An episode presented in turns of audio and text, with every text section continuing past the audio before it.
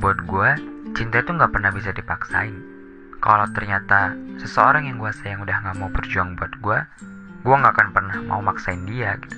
Gue nggak akan pernah mau nuntut dia dan gue nggak akan pernah mau ngerasa lo harus ngerespon balik gue karena segala sesuatu yang dipaksain itu ujungnya nggak bakalan enak. Segala sesuatu yang dilakukan karena terpaksa karena atas dasar nggak enak itu justru lebih menyakitkan gitu. Ya kalau emang pada akhirnya lo harus pergi ya silakan pergi gitu gue akan merelakan.